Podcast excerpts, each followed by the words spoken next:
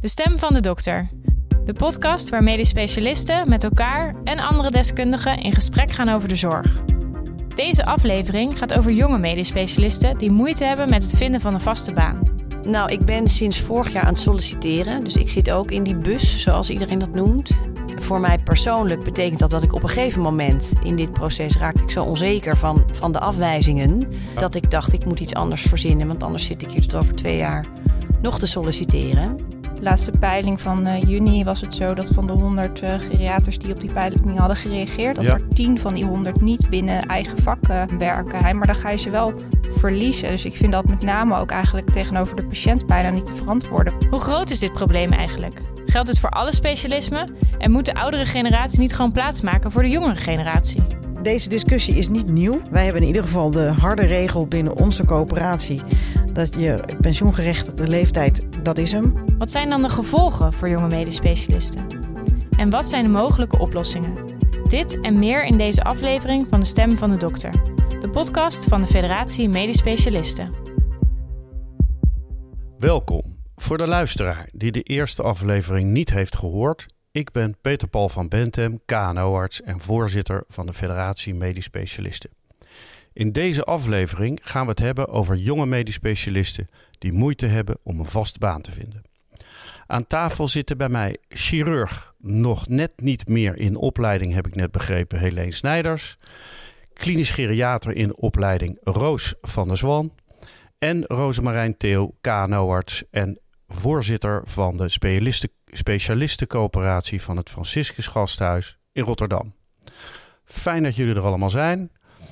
Ehm, kunnen jullie je voor de luisteraar even kort voorstellen? En eh, vertel maar eventjes ook direct daarbij waarom je je voor dit onderwerp hard maakt. Ik wou eigenlijk beginnen bij Helene. Nou, ik ben Helene Snijders, zoals je net al zei. Dankjewel uh, dat je mij zo goed introduceert. Ik ben uh, 37 jaar. Ik ben zojuist um, colorectaal chirurg geworden. Dus een jonge, klare colorectaal chirurg. En ik woon in Rotterdam met mijn vaatchirurgen man en twee kinderen. En ik, um, nou, ik heb persoonlijk leed door het gebrek aan perspectief. En daar wil ik graag uh, nou, mijn gevoelens over delen. Heel goed, fijn dat je dat wil doen. Gaan we het zo over hebben. Dan graag Roos. Um, nou ja, ik ben uh, Roos van der Zwan. Ik ben uh, 32 jaar. Ik uh, ben uh, laatstejaars uh, arts in opleiding tot klinisch geriater. In het UMCG werkzaam op dit moment. Ook ik heb een partner die medisch specialist is. Dus ook in opleiding nog ook hoor. Maar um, nou ja, dus ook mij gaat het persoonlijk aan. Maar ik zit hier met name ook omdat ik als voorzitter van de juniorvereniging... eigenlijk afgelopen jaar heb ontdekt dat ook voor een jong groeiend vak als de geriatrie... waar dit probleem een aantal jaar geleden absoluut nog niet bestond... nu ook best wel veel jonge geriaters moeite hebben met een baan uh, vinden. Dus ik maak me eigenlijk... Uh, daarmee heb ik het binnen de vereniging afgelopen jaar op de kaart uh, gezet. En nu ook daarbuiten. Heel goed, heel goed. Nou, daar gaan we het vast straks over hebben wat je daar precies mee bereikt hebt. Hè, want daar kunnen we denk ik allemaal van leren. Naast Roos hebben we ook nog Rosemarijn om het ingewikkeld te maken. Uh, Rosemarijn, jij mag uh, jezelf introduceren. Ik ben Rosemarijn Theo, ik ben 58 jaar. Ik ben KNO-arts en deels ook voorzitter van de specialistencoöperatie van het Franciscus, een groot ziekenhuis in Rotterdam. En um, de discussie die we nu aangaan is niet een discussie van nu. In de lange jaren dat ik specialist ben, is komt deze discussie die popt uh, eens in de zoveel jaren op. Waarbij ik niks uh, af wil doen aan de zorgen en het, en het leed wat er eigenlijk achter gaat. Wat er nu ontstaat. Doordat uh, mensen eigenlijk na een hele lange, hele intensieve opleiding niet een plek kunnen vinden waar ze eigenlijk al die tijd voor gewerkt hebben. Ja, dat is natuurlijk ook het probleem waar we het zo over gaan hebben. Maar hou ook even vast, heel goed dat je dat zegt. Hè, dat het eens in de zoveel tijd uh, bij een vak oppopt. Maar wat is nu het verschil met toen en nu? Want die zijn er denk ik wel, zijn misschien denk ik wel verschillen te benoemen. Maar uh, dat is misschien te filosofisch voor nu. Want we gaan het nu hebben over het probleem van de jonge klaren. En wat is nou eigenlijk omvang? Wat is het effect van het probleem? Hoe groot is het? Kortom, we hebben een stelling gemaakt. En, en naar aanleiding daarvan denk ik dat we een goed gesprek hierover kunnen hebben. Uh, stelling 1 is: we hebben in de toekomst eerder een tekort dan een overschot aan medisch specialisten. Uh, nou, Roos, wat vind jij van deze stelling? Um, nou ja, dat er een toename, toename gaat zijn van zorgvraag. Ja, daar maak ik me eigenlijk wel zorgen om. Hè? Want het aantal 80-plussers is, uh, is groeiende. Hè? Dat is nu iets van 0,8 miljoen. En de verwachting is dat dat 1,2 miljoen uh, wordt met een aantal jaar. Het aantal 65-plussers is verdubbeld de afgelopen uh, jaren. Um, en we zien, hè, en we weten dat, dat mensen op hoge leeftijd vaak drie of meer chronische aandoeningen hebben. Dus hè, dat maakt dat er veel meer mensen rondlopen met aandoeningen en ziektes die zorg vragen. Uh, en met de manier waarop ik denk dat ze het nu georganiseerd hebben, ben ik heel erg bang dat in de toekomst de eerste de acute keten enorm overbelast gaat raken met deze groep zorgvragende mensen. Zeker als er zoveel tekorten in de eerste lijn zijn. Um, um, ja, en we hebben allemaal de afgelopen jaren gezien dat juist die ouderen misschien wel te dupe wordt. Hè? Dat als de eerste lijn, of als de acute keten overstroomt, uh, dat dan de geplande um, heup, knie en hartoperaties uitgesteld worden. Uh, dus dat, ja, dat is wel een zorg. Maar denk jij dat we in de toekomst meer specialisten ook nodig hebben, minder? Of hoe zie je dat naar de toekomst toe? Ja, ik, ik, heb, ik heb daar eigenlijk geen enkele twijfel over. Los van de, van de zorgvraag, die toch redelijk autonoom. Nou ja, die discussie wil ik even niet aangaan of dat autonoom is of niet. Maar um, er, er heerst natuurlijk ook een. Um, een burn-out percentage onder specialisten. En dat, en dat kan ook echt wel worden veroorzaakt door de werkdruk. Uh, en een van, de, een van de middelen om die werkdruk te verlagen is, uh, is minder patiënten aan te bieden. Nou, dat lijkt me niet 1, 2, 3 gebeuren de komende jaren. Um, maar maar dus om dat te verdelen. Erbij. Ja. ja. Maar eh, wat denk jij, Rosemarijn? Een tekort of een overschot? Nou, ik weet nog niet zozeer of er een, een, tekort gaat ontstaan. Want ik denk dat de organisatie, het noopt ons ook wel tot anderen organiseren. Maar als je nou kritisch kijkt, wij, wij dokters, en ik ben geen andere dokter dan anderen, wij denken dat we een heleboel zelf moeten doen. Maar als wij ons werk veel meer delegeren en veel meer door PA's en VS'en en welke organisatie dan ook laten doen, dan denk ik dat we met veel minder dokters, veel minder medisch specialisten uh, hetzelfde of meer werk kunnen doen. Dus um, ik ben nog niet zo heel erg van overtuigd dat we veel meer dokters in de toekomst nodig hebben. Dat de zorgvraag toeneemt en dat we die zorg moeten leveren, dat geloof ik zeker. Maar door het anders te organiseren zou het best eens kunnen zijn dat er minder, met minder dokters het meer werk gedaan gaat worden. Ja. Nou, we hebben het nu een beetje gehad over tekorten of overschot. Dat blijft onduidelijk ingewikkeld. Maar nu even naar jullie eigen persoonlijke situatie. Uh, ja, hoe is het probleem eigenlijk voor jullie en wat is jullie ervaring? Schets dat eens, Helene.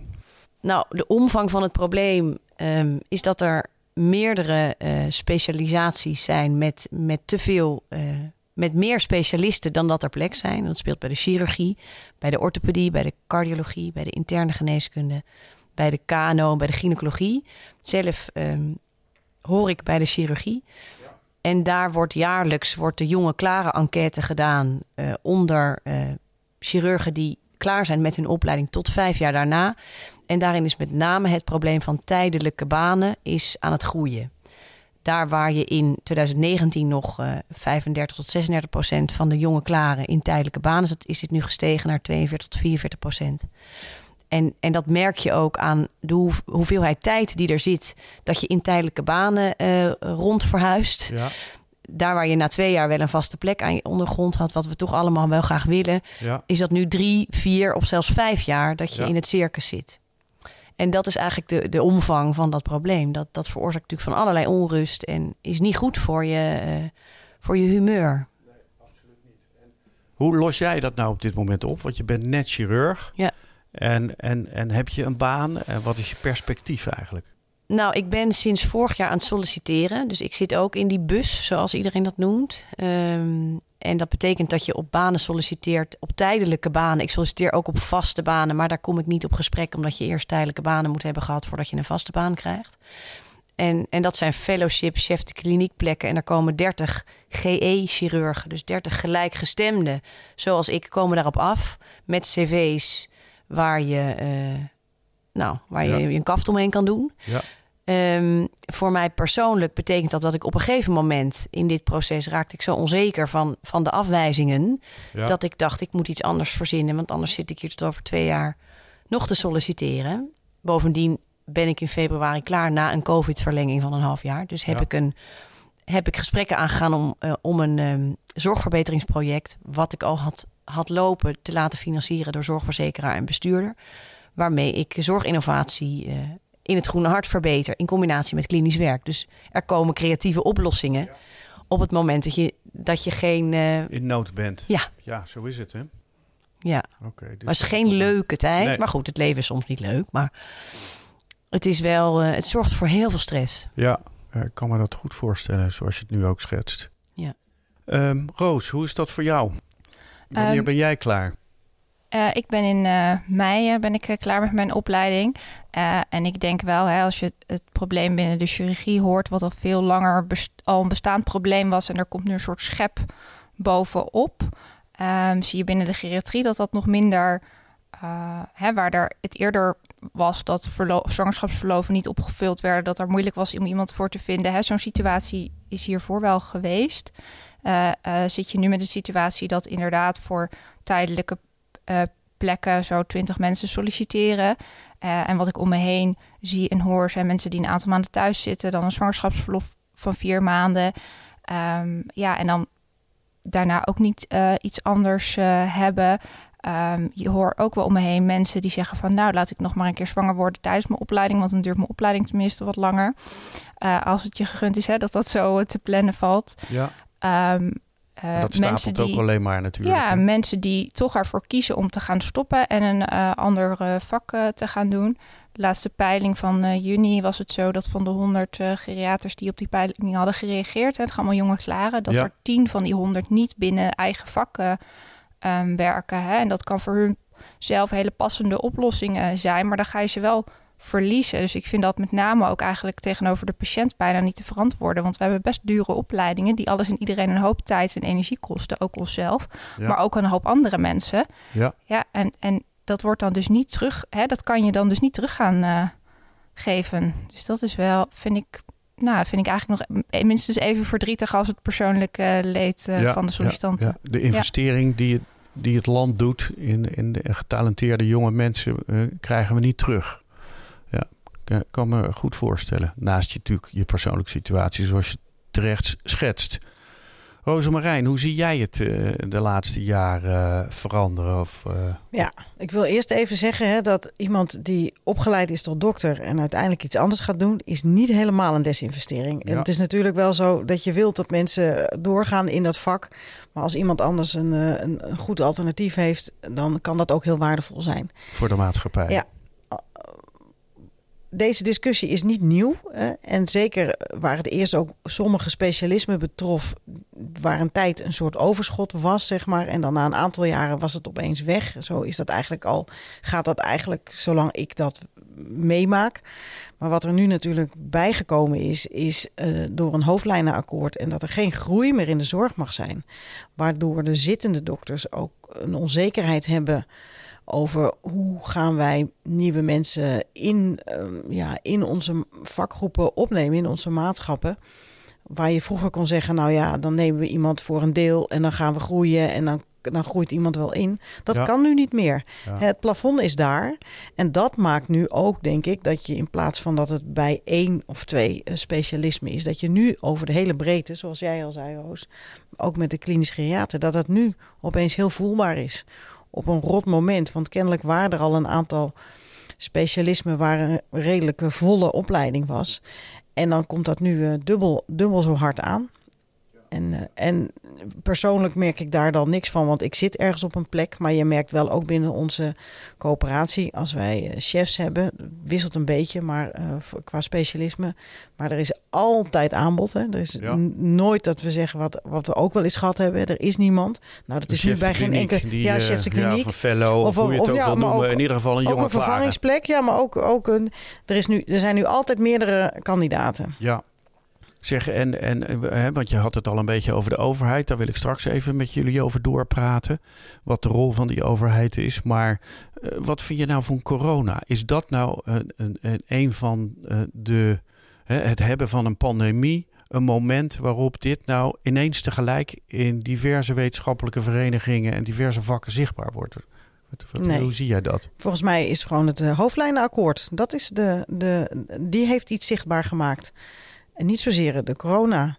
Denk ik hoor. Dat, dat de, de, de, de corona heeft. Wat ik economen hoor zeggen, is in economische onzekere tijden doet geen enkel bedrijf een langetermijn investering.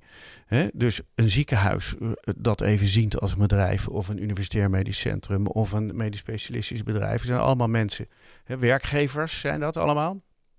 En die denken van ja, corona, wat betekent dat? Hoe, hoe, wie is er straks aan de beurt voor de inhaalzorg? Uh, er wordt heel veel gezegd van sommige zorgen doen we niet meer straks. Uh, want in coronatijd is gebleken dat dat geen zinnige zorg is.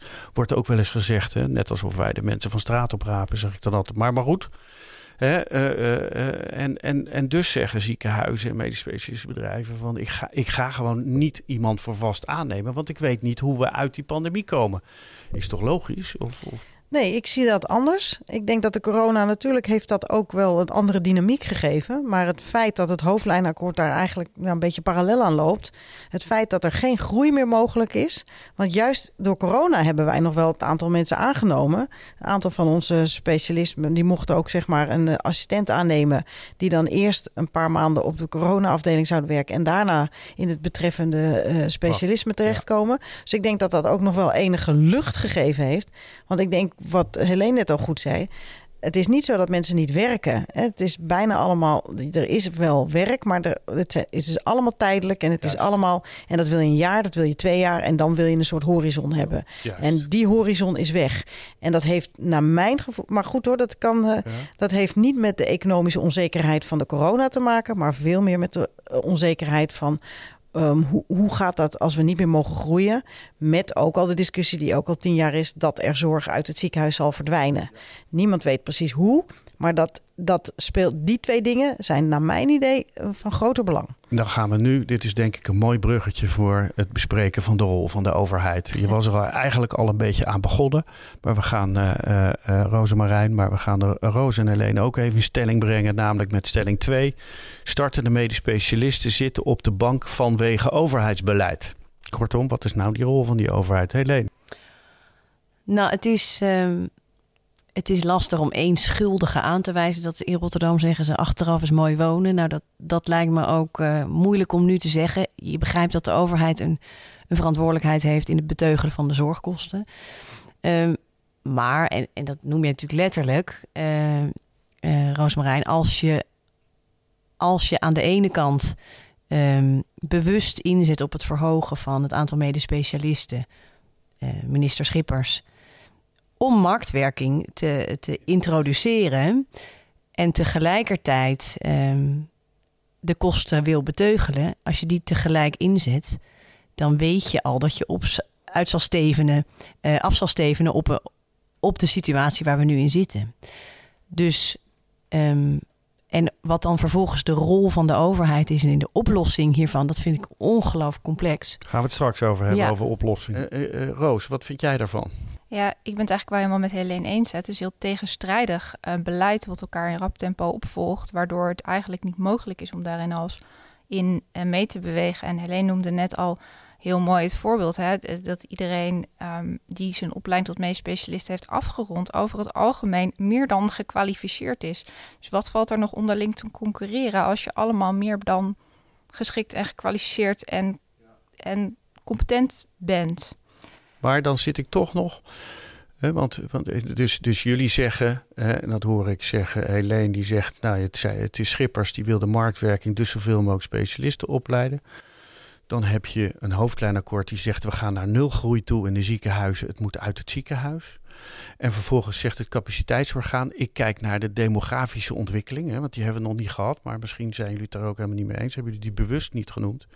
En het capaciteitsorgaan zegt: ik zie zoveel ouderen. Roos, jij vertelde dat nou net ook al. Hè? Dus er komt zoveel meer zorg aan. Dus we hebben gewoon zoveel meer dokters nodig. Dat zijn eigenlijk drie dingen die je niet met elkaar kunt verenigen. Nou, ik denk dat wat je ziet um, gebeuren in de politiek is dat er geen geld voor de medisch specialistische zorg bij gaat komen, dat dat eerder minder gaat worden. En ik denk eigenlijk dat het onze verantwoordelijkheid is als medisch specialistische beroepsgroep om met elkaar kritisch te kijken. Met inderdaad deze demografische veranderingen, zoals ik al schetste. Waar, wat is er nodig? Waar moet er groei zijn en waar kan het minder? En uh, waar moet het minder? En hoe moeten we dat dan met elkaar doen? En daarop gericht opleiden en kijken. Maar dat lijkt me ongelooflijk keuzes. ingewikkelde keuzes. En ik heb ook geen idee hoe je, dat, hoe je dat op een goede manier met elkaar doet. Oplossing is dat, gaan we het zo over hebben. Hou hem vast, keuzes. We moeten, we moeten keuzes maken. Uh, waar we het nog niet over hebben gehad, en dat is een, een eigenlijk in mijn beleving een no-brainer, is de pensioenleeftijd. Die is van 65 naar 67 gegaan, even zomaar tijdens de looptijd van de planning van uh, de medisch specialistische beroepsgroep. Dus dat betekent natuurlijk ook wel wat. Ja, dat, dat, is, hè, dat zijn dingen die binnen de langer bestaande vakken zeker een rol spelen. Maar het aantal geriaters wat met pensioen gaat, is naar verhouding een heel klein percentage. Hè, dus, dus, dus de jonge vakken hebben denk ik vooral last van het plafond, eh, plafond hè, het nul, nullijnen. Uh, akkoord. En ik denk dat zeker dat dit wel een rol speelt bij vakken die al. Ja, en er zijn nog meer vakken, zoals, uh, zoals uh, bijvoorbeeld geriatrie, hè, de MDL. Heeft eigenlijk hetzelfde. Die hebben ook weinig pensioengangers nog. Hè, die hebben met name alleen maar nieuwe mensen. En, en die hebben dus inderdaad een, meer probleem van nul groei dan van pensioen. Goed om deze differentiatie even aan te brengen, denk ik. Um, ja, ik denk dat we dan toch zo langzamerhand, want iedereen neigt er al naar. Hè, hoe lossen we het op? En wie doet wat? Uh, en nou, dan gaan we nou eerst maar eens even naar onszelf kijken. Dus stelling drie is, de oudere medisch specialist zou meer ruimte moeten maken voor de jongere generatie. Dus uh, wat nou pensioen 67? Je moet er al eerder uit. Uh, Helene. Nou, ik denk dat dat al heel erg gebeurt. Ik denk dat er een aantal echt wel goede voorbeelden zijn in den landen dat de solidariteit die de oudere generatie ten opzichte van uh, de jonge generatie voelen, die, er zijn een aantal hele mooie voorbeelden van. Waarbij oudere specialisten in een dakbankconstructie ruimte geven aan jongeren. Um, waarbij er ook wel wordt nagedacht over... kan ik mijn vak op een andere manier invullen? Kan ik er iets bij gaan doen? Ik denk wel dat dat, uh, dat, dat een meer in een stroomversnelling kan komen. En dat heeft natuurlijk ook te maken met de cultuur... Ja. met de cultuurverschillen die er zijn in die generaties. Uh, medisch specialisten werken doorgaans uh, meer dan 1,0 FTE. En alles doen we in onze bevlogen avonduren. En onze weekenden, nou, avondjes in de domus zijn voor iedereen, denk ik, bekend. Dus ja, ik, ik kan me ook voorstellen dat daar, een, dat daar nog een weg te gaan is. En dat we daar met elkaar wel om de tafel over moeten. Want de, de levensverwachting van een medisch specialist, van een chirurg, is nog zeven jaar jonger, uh, ze, zeven jaar korter dan van gemiddeld. Dus een, dus een bepaalde fit to perform, zoals we dat nu wel proberen te doen, kan nog, kan nog echt wel. Uh, Tandje beter. Nou ja, lijkt ja. mij. Ja, dus jij zegt eigenlijk je zegt het heel voorzichtig. je, zegt, je, zegt, ja, indikken. Ja. Maar niet, je zegt indikken meer dan de oudere specialist moet dus wat ruimte maken. Nou, ik denk dat het woord... Um, kijk, we noemen het dan een soort verdunnen of zo. En dan indikken. Ja. indikken uh, hetzelfde. Verdunnen, indikken is tegenovergestelde. Maar we bedoelen hetzelfde. We bedoelen hetzelfde. Mooi is dat. maar ik denk dat, uh, dat, dat de gedachte dat dat dan ook financieel financiële verdunning zou. Dus ik, ik ga minder verdienen, betekent natuurlijk ook, ik krijg meer tijd. En tijd is een heel kostbaar iets. En ik denk als we daar met elkaar meer over in gesprek gaan, wat je nou met je tijd zou kunnen doen. Ja, dat is natuurlijk. Maar je gaat ook weer niet over de tijd van een ander. Is nee, dan weer dus het verhaal. Het is, het is best ingewikkeld. Exact, ja. Maar, het is, maar het gesprek, zoals je terecht Ja. zegt, dat moet wel gevoerd worden. Want soms help je ook mensen. Hè? Want Ja. die denken dan, god, ik moet er eigenlijk wil ik misschien wel wat minder, maar eigenlijk durf ik het niet. Of ik vind van mezelf dat ik dat niet moet doen.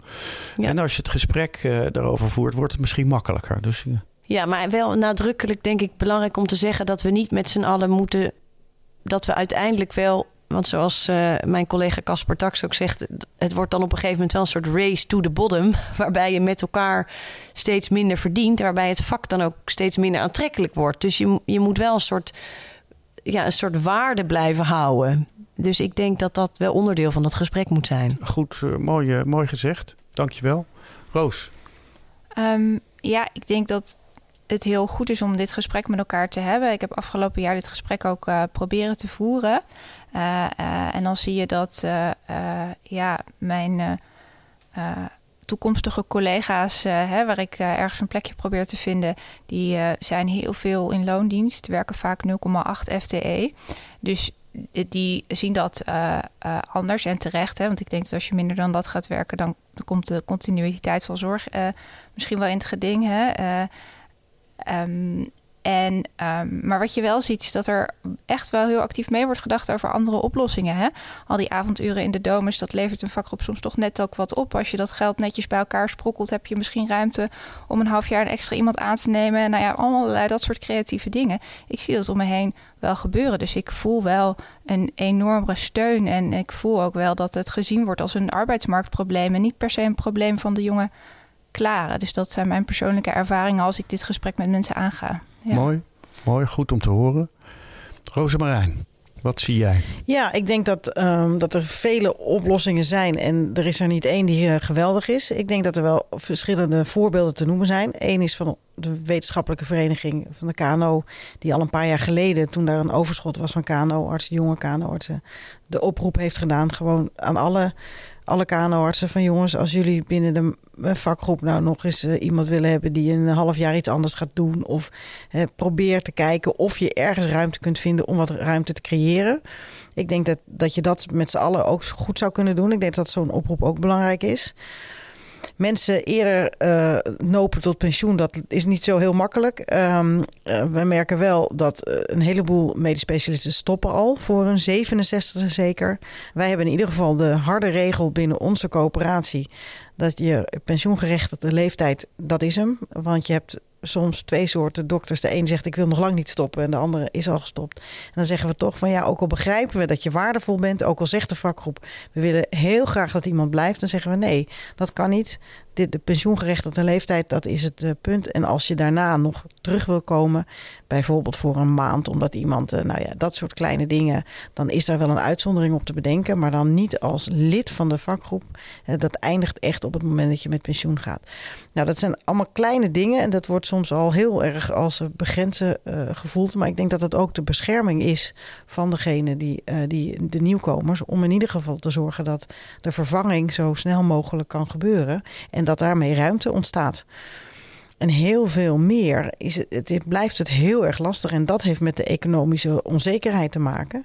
Waarbij je inderdaad uh, chef de kliniekplekken is natuurlijk zoveel makkelijker, omdat je daar iets flexibeler in bent. Maar iemand aannemen in een vakgroep is natuurlijk nogal wat qua economische uh, zekerheid, zal ik maar zeggen. Voor de komende 25 jaar weet ja, je dat je precies. die persoon gaat hebben.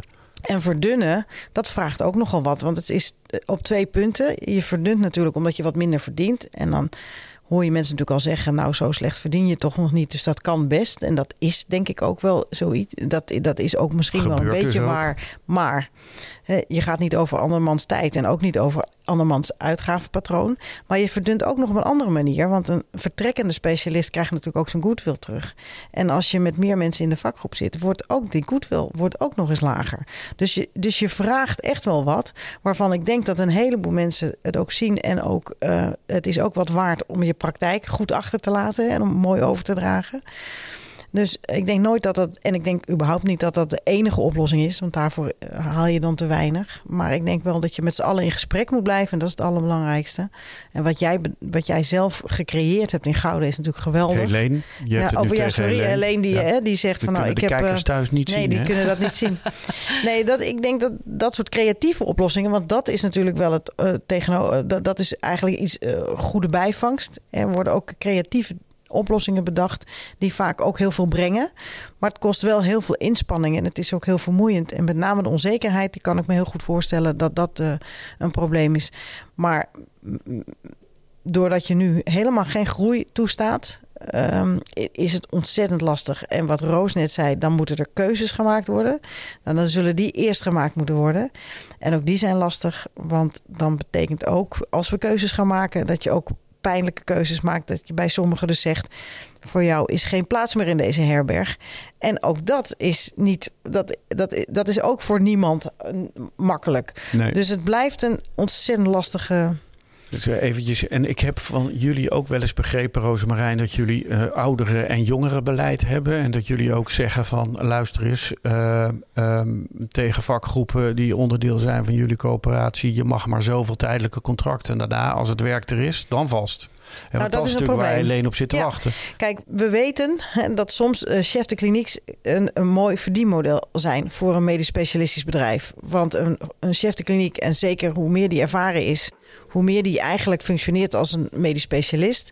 Maar hij, hij kost minder, dus dat is een verdienmodel. En wij hebben gezegd, nou, daar doen we niet aan mee. Een chef de kliniek is in principe om te kijken of iemand in je maatschap past, of in je vakgroep. Nou, dat uh, kun je één jaar, nou misschien twee jaar, maar dan moet je een keuze maken. Of iemand komt in, in de vakgroep of niet. Nou kon je dat natuurlijk ook doen als je weet dat mensen daarna door kunnen stromen. Maar nu krijg je dan dus dat je tegen mensen gaat zeggen: Nou, nee, het wordt het niet. En we willen vasthouden aan, aan want we vinden dat principe heel erg kloppen. Maar dat betekent dus dat je bijna iemand um, ontslaat, zeg maar, en thuis laat zitten. En dan eventueel er weer een andere voor wil hebben. Want je merkt dus ook dat de, de flexibele schil als medisch specialistisch bedrijf, die is nu zo belangrijk. Omdat je zo onzeker bent over hoeveel capaciteit hebben wij in de komende vijf jaar nodig. Dat, dat systeem staat wel onder druk. Maar dus, dus in principe komt... staan wij nog steeds ontzettend achter. Ja, dus jullie hebben ouderenbeleid en jongerenbeleid. En ik denk dat dat ook goed is. Hè? Dus eigenlijk zouden wij hier concluderen met elkaar: maak beleid hè, als MSB of, coöperatie of wat je dan ook bent in een ziekenhuis. Wees je er bewust van en maak er beleid op. Ja, en ik denk ook wat jij zegt over het ouderenbeleid. Want daar vind ik ook, je, je ziet zeg maar, alle grote bedrijven hebben HR-afdelingen met, ja. met helemaal. En dat hebben wij eigenlijk als medisch specialistische bedrijven hebben we dat heel slecht. Ja. Dat zijn wij nu ook aan het opzetten. Dus ontzettend wennen. Hè, dat dokters zeggen, ja, maar hè, moet ik dan met iemand gaan praten? Ja. En dat je gewoon ook eens met mensen gaat praten van, nou, hoe zie jij de komende tien jaar? Wat verwacht je van ons? Wat verwachten we van jou? Is het zinvol om nog zo door te gaan? Moet je misschien wat minder? Of hoe zit dat? Nou, dit soort processen, die in een heleboel grote bedrijven al lang uh, normaal zijn, die hebben wij nog niet. En ik denk dat het goed is dat daar ook aandacht voor is. En ik denk dat daar ook dan wel ruimte ontstaat. Ja. Omdat ik denk dat er weinig dokters zullen zijn die zeggen: Nou, dan ga ik nog eens twee keer zoveel doen. Maar er zullen wel een heleboel dokters zijn die zeggen: Nou, als er 10% af kan, dan zou ik dat wel fijn vinden. En als je dat allemaal doet, ja. ontstaat er toch weer ruimte. Wie hebben we nog meer nodig en wat vragen we van die partijen? Helene. Nou, ik denk dat je um, bestuurders, ziekenhuisbestuurders en zorgverzekeraars hebben we natuurlijk nog niet genoemd. Dan, zijn we wel, dan hebben we wel het hele spectrum uh, te pakken. Kijk, ziekenhuisbestuurders zijn werkgevers, dat, dat noemde je zelf al. En die hebben natuurlijk een, een, een, een boodschap om, om de zorg uh, zinniger te organiseren. Daar kunnen creatieve oplossingen worden mee bedacht bijvoorbeeld anderhalfste lijnszorg met huisartsen, waarbij je bijvoorbeeld in mijn vakgebied proctologisch spreekuren kunt organiseren samen met chirurgen. Daar is enorme animo voor. Um, zorgverzekeraars hebben natuurlijk ook een, een verantwoordelijkheid om um, financiële ruimte te creëren om de werkdruk te verlagen, omdat anders. Uh, burn-out preventie, in, in het kader van burn-out preventie en, en goede zorg daarin te kunnen leveren. En ik zei het al eerder, er zijn natuurlijk daarin twee kranen waaraan je kan draaien. Je kan minder patiënten aanvoeren. Nou, dat gaat, dat gaat niet gebeuren. Of je, of je financiert mee aan, om, om, die, om dat klimaat gezond te houden. Dus die twee um, spelers, die zou ik er nog wel graag bij om de tafel willen. En dan zou ik op willen inhaken. Want dan is mijn, mijn idee is haaks hier tegenover. Ik denk namelijk dat je wel moet zorgen dat de instroom minder wordt.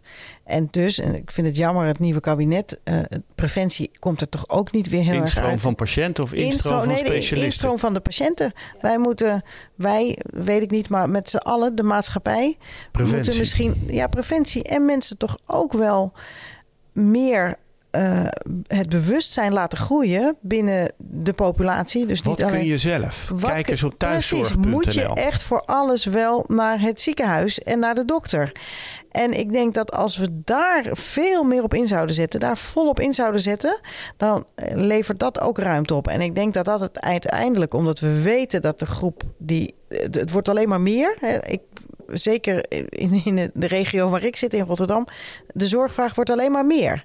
En als je dus gaat duwen, terwijl aan de andere kant er wel steeds aan de deur wordt geklopt. Hè, eigenlijk dat voelt het zo. De deur wordt, uh, wordt maar aan geduwd en wij duwen maar terug. Nee, zorg nou dat je de mensen die weten van nee, ik hoef hiervoor niet per se naar het ziekenhuis of naar de huisarts. Hè, want het heeft niet alleen met ons dus, te maken. Dus bijvoorbeeld, hè, dat volgens mij staat het ook wel ergens hoor, heb ik gezien.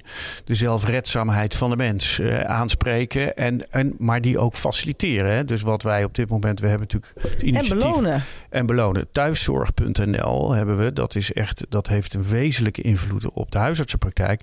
En wij zijn daarbij aangesloten. En ongeveer 50% van de informatie bestaat nu uit medisch specialistische informatie die erop staat. dus, en dat zal alleen nog maar groeien de komende tijd. Dus daar moeten we meer, meer tijd aan besteden. De zelfredzaamheid van de mens.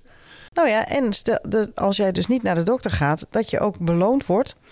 Teruggave van je premie, ik weet niet hè, maar dat, je ook, dat het ook echt mensen loont om, om, om niet daar naartoe te gaan.